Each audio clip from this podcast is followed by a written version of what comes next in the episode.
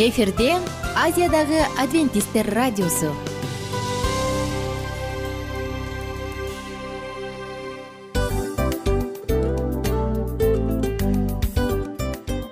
Достор салют.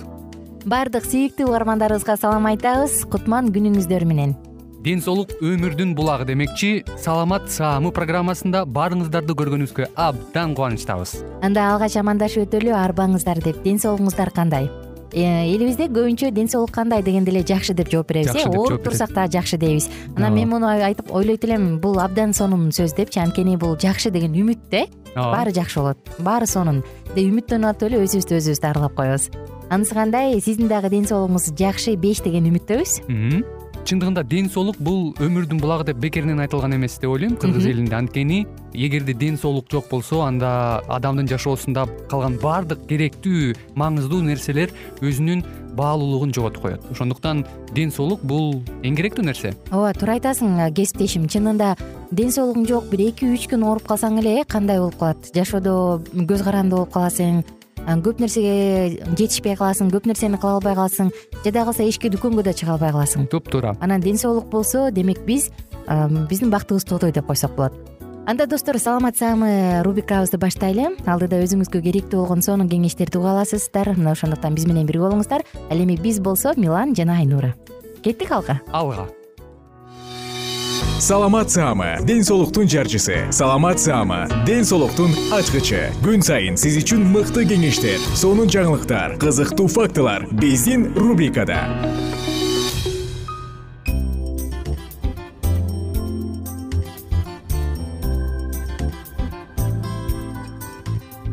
Кымбаттуу достор салют. Баарыңыздарга сагынычтуу салам. Жана сиздер менен кайрадан дал ушул кызматта мен айнура. Достор саламат саама рубрикасы жана бүгүн сиздер менен глаукома оорусунда кандай ширек кандай сок ичсе болот кандай смози ичсе болот? Мына ушул тууралуу кененирээк маалымат беребиз. Баардык көзүмдү сактайм көз оорусунан алыс болоюн деген угармандарыбыздын баардыгын ушул саатка кош келиңиздер деп чакырабыз. Глаукома оорусунда кандай сок ичсе болот? Негизи глаукома бул коркунучтуу оорулардын бири. Акырындык менен адам көрүүсүн толугу менен жоготуп коюшу мүмкүн. Бир аз болсо да глаукома жөнүндө тааныштыра кетсек көздүн ички басымынын жогорулашы менен мүнөздөлгөн оору көздүн ичиндеги басымдын жогорулашы көпчүлүк учурда көздүн ичиндеги суюктуктун айланышынан бузулушунан айрым учурда көз суюктугунун өтө көп бөлүнүп чыгышынан дагы пайда болот. Ага көздөгү нерв кан тамыр системасынын бузулушу себеп. Глаукоманын алгачкы жана экинчи түрү белгилүү. Алгачкы глаукома көздүн ичиндеги басымдын жөнгө салынышынын бузулушунан пайда болот. Оору көбүнчө кырк элүү жаштан ашкан адамдарда кездешет дагы бул курактагылардын э, ноль бүтүн ондон эки пайызы жабыркап келет. Ал эми глаукоманын экинчи түрүндө көздүн басымынын жогорулашына түрдүү көз оорулары көз суюктугунун чыгуу жолдорунун бүтөлүп калышы себеп болот. Караңыздарчы коркунучтуу э? Көздүн ичиндеги басымдын туруктуу жогорулашынан көрүү нервинин иши бузулат же таптакыр сокур болуп калышы мүмкүн. Оорунун алгачкы белгилери жарыкты караганда анын тегерегинде жарыктан көк жаа дого пайда болгонсойт көз тунарып буюмдар даана көрүнбөйт. Кээде чекеси менен чыкайы көздү кыскандай болуп сезилет. Айрым учурда глаукома капысынан катуу башталат. Көзү ошол жак башы ооруп көз кызарат көз таптакыр шишип начар көрүп калат. Кээде жалпы абалы начарлап окшуп кусат денеси ысыйт оорунун белгилери байкалып калса бутты ысык сууга малып алтымыш жетимиш грамм глицеринди ачкарын ичүү жана токтоосуз врачка кайрылуу керек. Сөзсүз дарыгерди көздөй чуркаш керек. Оорулууну терапиялык жол менен айыктырууга мүмкүн болбосо анда такыр айла кеткенде операция дагы жасашат. Эгер оорулуу врачка убагында кайрылса анда албетте тезирээк жакшы болот. Тезирээк сакаюу үчүн режимди туура так сактап убагы менен тамактанып түнкүсүн жети сегиз саат уктоосуз керек. Жатаарда көп тамак ичүүгө болбойт уйку алдында таза абага сейилдеп желдетилген бөлмөгө уктоо сунуш кылынат. Башка жаздыкты бийигирээк жазда уктаган жакшы себеби жаздык ылдый болсо кан жана көздүн ичиндеги суюктук көп токтолуп көздөгү басымды жогорулатат. Анан эртең менен гимнастика жасаган жакшы. Акыл эмгеги менен иштегендерге бир аз кара жумуш иштөө сунушталат. Кара жумушта иштегендерге ысыкта ылдый болуп иштөөгө ошондой эле күнгө күйүүгө ысык момчодо жуунууга болбойт кечке күүгүм дагы көздүн ичинде басымды жогорулатат. Ошондуктан күңүрт көз айнек тагынууга караңгыда телевизор көрүүгө болбойт. Жашыл түс көздүн басымын төмөндөткөндүктөн жашыл түстөгү көз айнекти тагынуу сунуш кылынат антропин көздүн ичиндеги басымды жогорулаткандыктан анда глаукомада пайдаланууга болбойт. Э, глаукомада туура убагы менен тамактануу дагы чоң мааниге ээ ышталган туздалган өткүр тамакты жебеш керек. Тамакты өсүмдүк майына даярдап майы жок уй тоок балык этин сууга бышырып деген жеген жакшы анда достор ушундай глаукома бар болсо анда эмне кылыш керек? Биз сиздер менен курч көз караш деп аталган э, смузинин рецептин айтып беребиз. Глаукома жогоруда айтылгандай абдан коркунучтуу оору ал адамды акырындык менен сокур болууга чейин алып келиши мүмкүн. Жалпысынан антоциандар бул фиолетовый деп коебуз го көк сыя көк түстөгү өңдүү пигменттүү азыктар булардын баардыгы тең көзгө пайдалуу дейт. Мисалы бул мөмөлөр э смородина же кара карагат деп келебиз. Ошондой эле рутин бул дагы флавоноид мындай флавоноид грейпфруттун курамында бар жана башка цитрустардын курамында бар. Дал ушул жогу дагы бир жолу кайталайын. Сыя көк түстөгү пигменттер жана рутин грейпфрут жана башка цитрустардын курамында кездешкен. Булардын баардыгы көздүн ички басымын жөнгө салат. Жана албетте көздүн толугу менен көрүүсүн жоготууну алдын алат глаукома оорусу учурунда. Ошондой эле глаукома өрчүп кетпеш үчүн б тобундагы витаминдер жана магний абдан жакшы. Ал үчүн сиз кешью жаңгагын жеп турушуңуз керек. Эмне себептен биз даана курч көз караш деп атап койдук. Бул смуни анткени смузини анткени булардын баардыгы тең. Көздүн ички басымын көздүн ички басымын жөнгө салат дагы анан көзгө байланыштуу көйгөйлөр болгон учурда алардын баардыгын жөнгө салат. Эми достор курч көз караш деп аталган смузини кантип даярдайбыз? Ингредиенттерди айталы бир порция үчүн эки жүз миллилитр үчүн сизге жарым чашка грейпфрут ширеси бир чашка кара карагаттын ширеси же кара карагат же эгер ал болбосо асая кара моюл кара жүзүмдү дагы колдонсоңуз болот ошондой эле бир аш кашык кешью жаңгагы кешью жаңгагы жок болуп калган учурда миндаль же пикан дагы колдонсоңуз болот. Миндаль бул бадам. Даярдайбыз. Кара карагатты кешью жаңгагын блендерге салыңыз. Аларды бирдей масса пайда болгончо аралаштырыңыз.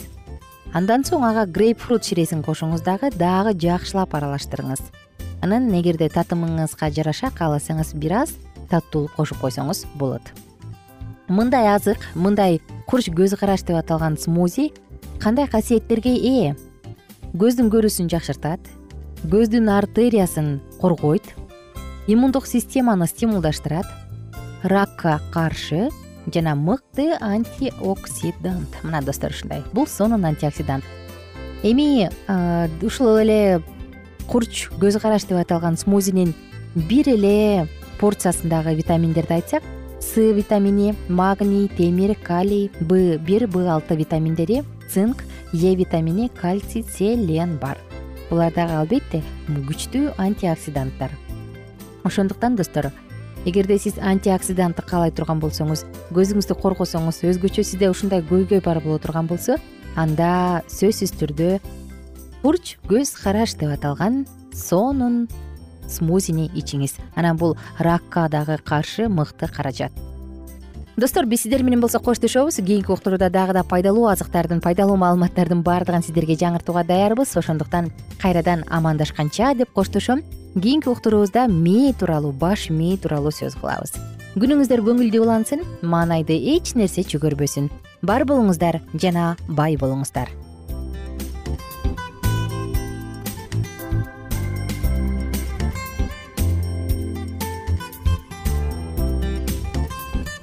кененирээк маалыматтар үчүн үч w чекит саламат чекит клуб сайтына келип таанышыңыздар. Жана андан тышкары социалдык тармактарда youtube facebook жана instagram баракчаларына катталыңыз. Саламат саама ден соолуктун жарчысы. Саламат саама ден соолуктун ачкычы. Күн сайын сиз үчүн мыкты кеңештер сонун жаңылыктар кызыктуу фактылар. Биздин рубрикада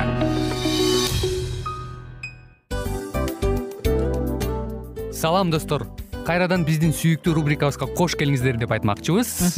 Баардык замандаштарыбызга арбаңыздар деп саламыбызды айтабыз. Улуу ушундай бир э, урматтаган учурашуу менен анан дил маек радио баракчабызга чакырабыз. Негизи дил маек биздин рубрикабызда эмне жөнүндө кеп кылабыз бул дил маектин мааниси эмнеде рубрикабыз менен кичине тааныштырып кетсеңиз. Сөзсүз түрдө тааныштыра кетейин. Кесиптешим суранычы боюнча бул учурда бул радио баракчада биз ар тарап кесип ээлеринен сонун кеңештерди алабыз сүйлөшөбүз сырдашабыз. Аталарыбыздын эжелерибиздин апаларыбыздын кеңештерин угабыз айтор. Жан дүйнөгө адамдын э, сапатына адамдын деги эле адам болуп жашашына керектүү баардык кеңештер алдыда. Негизи э, дил маек дегенде баягы эки адамдын ортосундагы сырдашуу кенен сүйлөшүү. Негизи эле биз адамдар бири бирибиз менен бир жерге жай жерге отуруп алып өзүнчө тынч э, жашоо жөнүндө өмүрүбүздө эмне болуп атканын бөлүшкөнү жакшы көрөбүз э адамдар. Ооба туура айтасың анан мындай учурга кээде убакыт да жетпей келет э? Же болбосо сырыңды кайгыңды муңуңду кубанычыңды айткың келет а адамга ишенбешиң мүмкүн. Ооба. А бул радио баракча угармандарыбыздын чыныгы досу. Анткени бизден алган кеңеш сиздин жашооңузга чоң жардам берет. Ал эми сиздин бизге айта турган сөзүңүз ортодо гана сыр бойдон калат. Ошондуктан биздин дил маек рубрикабызга дагы бир жолу кош келиңиздер. Жана биз даярдаган маалыматтарга даяр болуңуздар. Айнура жана милан сиздер менен бирге алдыга кеттик ар түрдүү ардактуу кесип ээлеринен. Алтын сөздөр жүрөк ачышкан сыр чачышкан сонун маек. Дил маек рубрикасында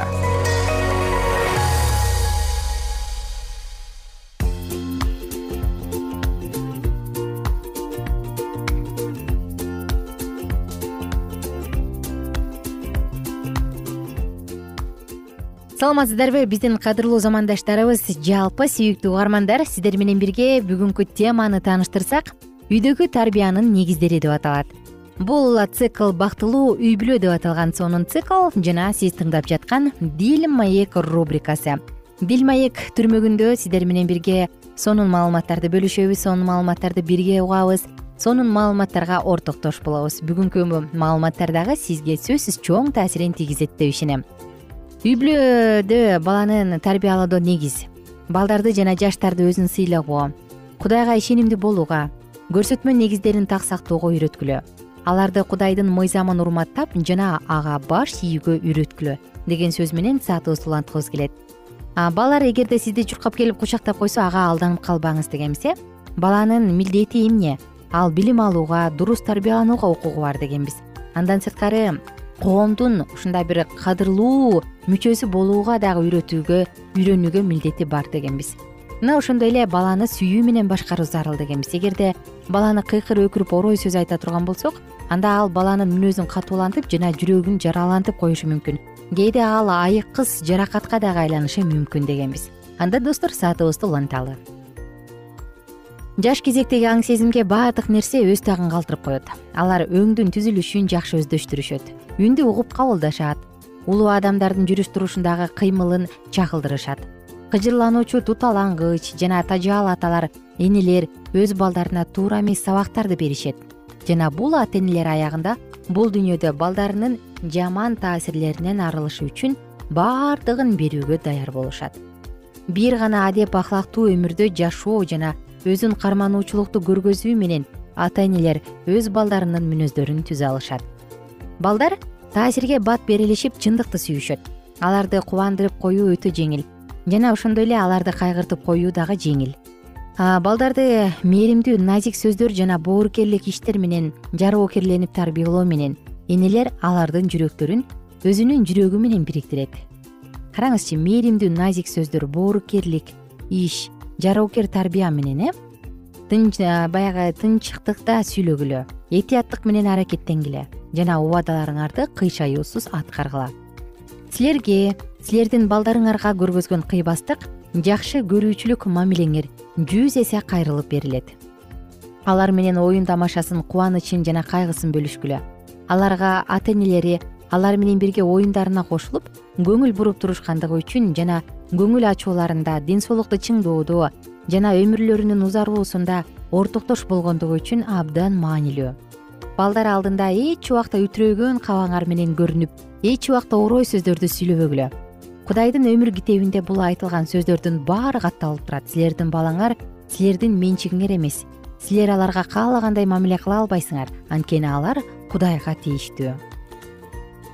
Эми туруктуулук жөнүндө айтсак достор үй бүлөнү башкаруудагы туруксуздук үй бүлөгө өздөрүнүн абдан чоң залакасын алып келет. Албетте бул башкаруучулуктун такыр эле жок болгону сыяктуу эле жаман нерсе.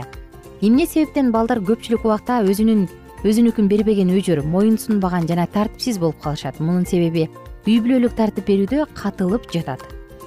Көпчүлүк ата энелер өз үй бүлөлүк башкарууларын ажырата биле албагандыгында.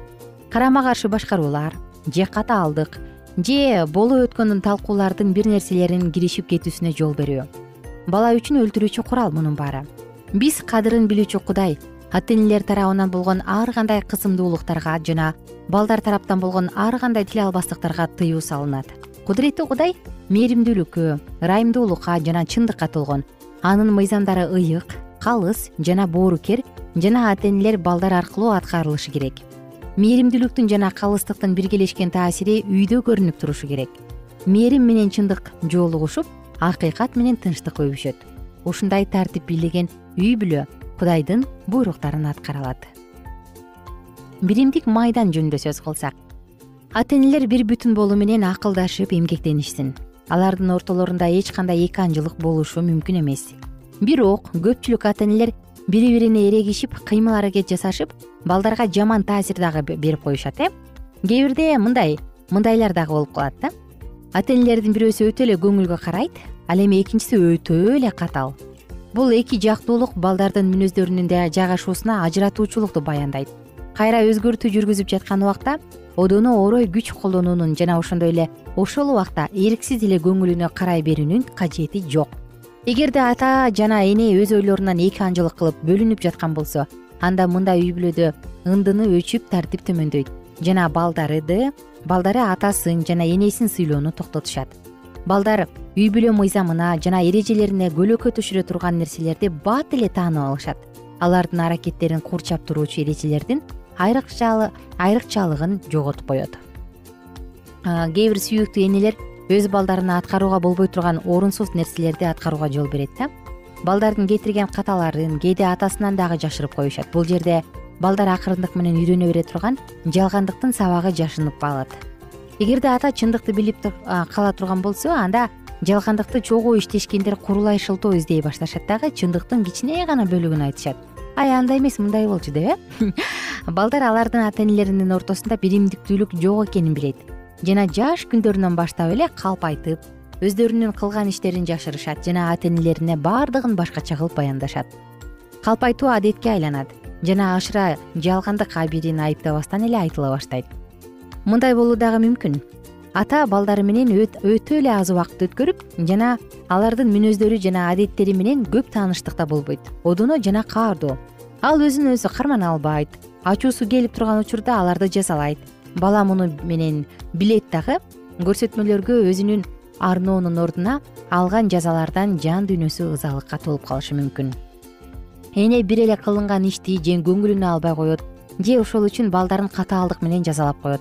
Балдар ата энелеринин эмне чечим кабыл алаарын эч убакта билбейт жана алар ата энелеринин колунан бошонуу кандай көп убакытка созулат деген азгырыктарды баштарынан өткөрүшөт эмне дейбиз достор? Бул саатыбыздын соңку мүнөттөрүнө да келип калдык. Бүгүнкү маалыматтар дагы сиз үчүн баалуу керектүү болду деп ишенем. Ошондуктан баардык үй бүлөлөргө кааларыбыз бактылуу үй бүлөлөрдөн болуңуздар. Мен болсо сиздер менен коштошом. Жалпыңыздарга көңүлдүү иш күнүн көңүлдүү эс алуу күнүн каалайм. Бүгүнкү күн дагы үй бүлөдөгү ар бир мүчөнүн мамилесин бекемдеш үчүн жумшала берсин. Бар болуңуздар бай болуңуздар. Кайрадан амандашканча ар түрдүү ардактуу кесип ээлеринен. Алтын сөздөр жүрөк ачышкан сыр чачышкан сонун маек. Дил маек рубрикасында.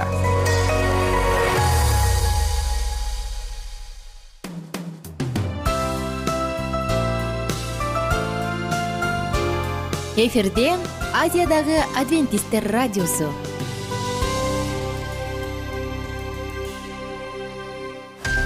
жан дүйнөңдү байыткан жүрөгүңдү азыктанткан жашооңо маңыз тартуулаган жан азык рубрикасы.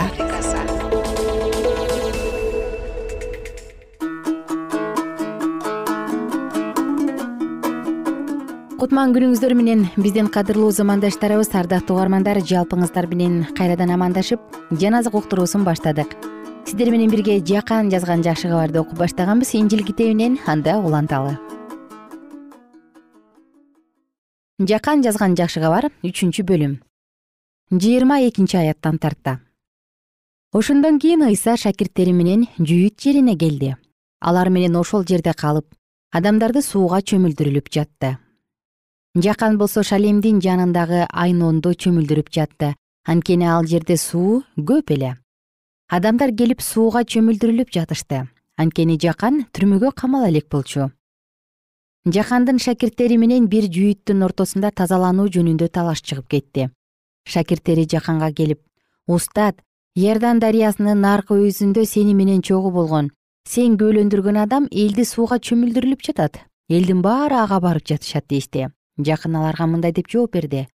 Кудай бермейинче адам өз мойнуна эч нерсени ала албайт. Мен машаяк эмесмин бирок анын алдынан жиберилген. Дегениме силер өзүңөр күбөсүңөр колуктусу бар адам күйөө. Ал эми күйөөнү жанында туруп алып тыңшап турган күйөө жолдош анын үнүн укканда аябай кубанат. Мен ошол кубанычты башымдан өткөрдүм. Ал өсүшү керек. Мен болсо кичирейишим керек. Жогорудан келген баарынан жогору. Бул дүйнөдөн келген бул дүйнөгө таандык. Ошондуктан дүйнөдөгүнү сүйлөйт. Асмандан келген баарынан жогору ал асмандан көргөн укканы жөнүндө күбөлөндүрөт. Бирок анын күбөлөндүрүүсүн эч ким кабыл албайт. Ал эми анын күбөлөндүрүүсүн кабыл алган адам кудайдын чындык экендигин далилдеди кудай жиберген адам кудайдын сөзүн сүйлөйт. Анткени кудай рухту ченемсиз берет. Атасы уулун сүйөт. Ошондуктан бардыгын анын колуна берди. Кудайдын уулуна ишенген адам түбөлүк өмүргө ээ ал эми ага баш ийбеген адам өмүргө ээ болбойт. Кудайдын каары анын үстүндө болот. Жакан жазган жакшы кабар төртүнчү бөлүм. Ыйса ал жаканга караганда көбүрөөк шакирт күтүп элди сууга чөмүлдүрүлүп жатат деген сөз фариселерге жеткенин билгенде чынында ыйсанын өзү эмес шакирттери чөмүлдүрүп жатышкан эле. Жүйүт аймагынан кайра галилеяга жөнөдү ыйса самария аймагы аркылуу өтүүгө тийиш эле. Ошондуктан ал самариянын шекем шаарына келди. Ал шаар жакып өзүнүн уулу жусупка мурас кылып калтырган жерге жакын жайгашкан. Ошол жерде жакыптын кудугу деп аталган кудук бар болчу. Жол жүрүп чарчаган ыйса кудуктун жанына отура кетти. Алтынчы саат чамасы эле.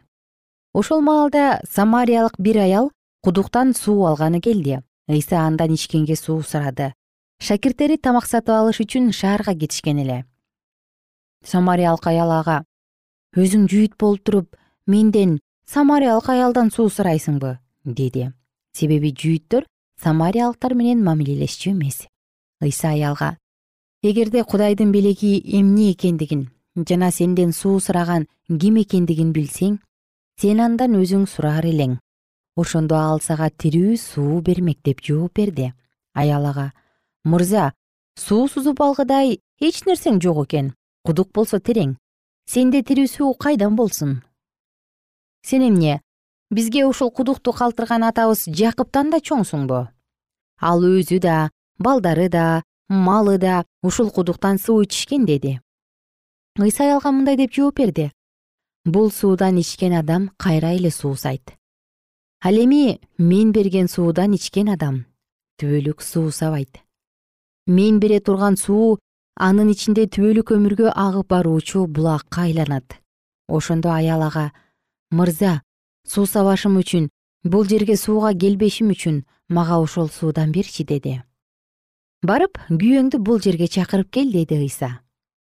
Менин күйөөм жок деп жооп берди аял. Ошондо ыйса ага күйөөм жок деп чындыкты айттың сен беш жолу күйөөгө чыккансың. Бирок азыркысы күйөөң эмес. Муну сен туура айттың деди. Аял ага мырза сенин пайгамбар экениңди билдим. Биздин ата бабаларыбыз мына бул тоодо кудайга табынушчу экен. Силер болсо кудайга табынуучу жай иерусалимде болуш керек дейсиңер ыйсага мындай деди. Мага ишен бул тоонун үстүндө да иерусалимде да атага табынбай турган убак келет силер эмнеге табынып жүргөнүңөрдү билбейсиңер. Биз болсо билебиз. Анткени куткарылуу жүйүттөрдөн келет. Чыныгы табынуучулар атага рух менен чындык боюнча табына турган убакыт келет. Ал тургай келип да калды анткени ата да өзүнө ошондой табынуучуларды издейт. Кудай рух. Ага табынуучулар да рух менен чындык боюнча табынуулары керек машаяк келерин билем. Ал келгенде бизге баарын айтып берет деди ошондо ыйсага сен дал ошонун өзү менен сүйлөшүп турасың деди. Ошол мезгилде шакирттери келип калышты. Алар анын аял менен сүйлөшүп жатканын көрүп таң калышты. Бирок эч кимиси андан андан эмнени сурап жатасың? Же аны менен эмне жөнүндө сүйлөшүп жатасың деп сураган жок. Аял суу алган идишин таштап шаарга барды да элге жүргүлө кылганымдын баарын айтып берген адамды көргүлө. Ал машаяк эмеспи деп айта баштады. Ошондо алар шаардан чыгып ыйсаны көздөй жөнөштү. Ошол арада шакирттери ыйсадан устат тамактанып ал деп өтүнүштү бирок ыйса аларга менде силер билбеген тамак бар деди. Шакирттери бири бирине ага бирөө тамак алып келип бергенби дешти ыйса аларга мындай деди. Менин тамагым мени жиберген кудайдын каалоосун аткаруу. Жана анын ишин бүтүрүү.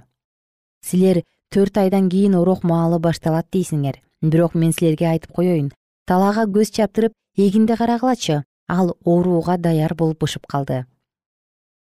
Ортокчу азыртадан эле эмгек акысын алып түбөлүк өмүр үчүн түшүм жыйнап жатат ошентип себүүчү да орокчу да кубанат. Анткени ушул учурга бирөө себет бирөө орот деген сөздү туура келет мен силерди өзүңөр эмгектенбегенде оорушуңар үчүн жибергем. Башкалар эмгектеништи силер болсо түшүмүн жыйнап жатасыңар.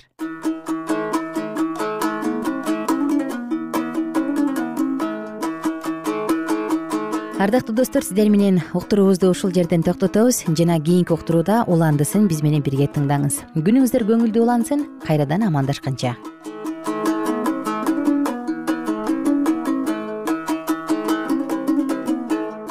эгер сиздерде суроолор болсо же көбүрөөк маалымат билем десеңиз анда биздин whatsapp номерибизге жазыңыз.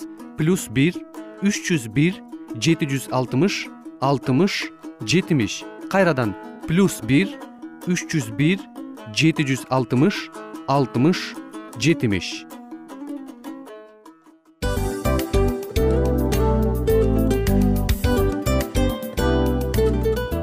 достор биздин радио баракчаларыбыз соңуна келди. Демек бул программабызды дагы жыйынтыктачу учур келдик. Учурга келдик. Анан кесиптешимден сурагым келип турат. Негизи эле иштин башталып атканы кубандырабы сени же жыйынтыгы кубандырабы? Албетте жыйынтыгы. Себеп дегенде сен кылган ишиңдин жыйынтыгын көрүп э, баягы мөмөсүн көрүп дегендей жыргайсың жүрөгүң жемишинен э? Кандай даамдуу деп. Баягы буудай сепкенде эмес буудай эгинди жыйнагандан кийин ысык нанды жегенде кадимкидей ырахаттанасың го ой айтпа туура айта кеттиңиз. Сонун салыштыруу болду анан мен дагы абдан кубанып турам. Анткени биз угармандарыбыз үчүн аябай эмгектенип келген уктуруубуздун соңуна келип калдык. Анан эми э, уктуруубуздун соңунда угармандар кандай пайда алып калды экен деп күтүп турам да. Балким э, менин жашоомо өзгөрүү киргизе турган сонун сөздөр болду.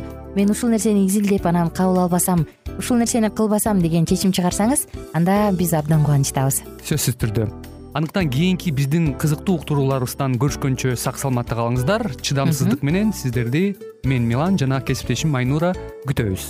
Баардык угармандарыбызга ийгиликтүү күн каалайбыз. Качан гана болбосун уртуңуздан жылмаюу кетпесин үйүңүздө көмүр жүрөгүңүздө көңүл болсун дейли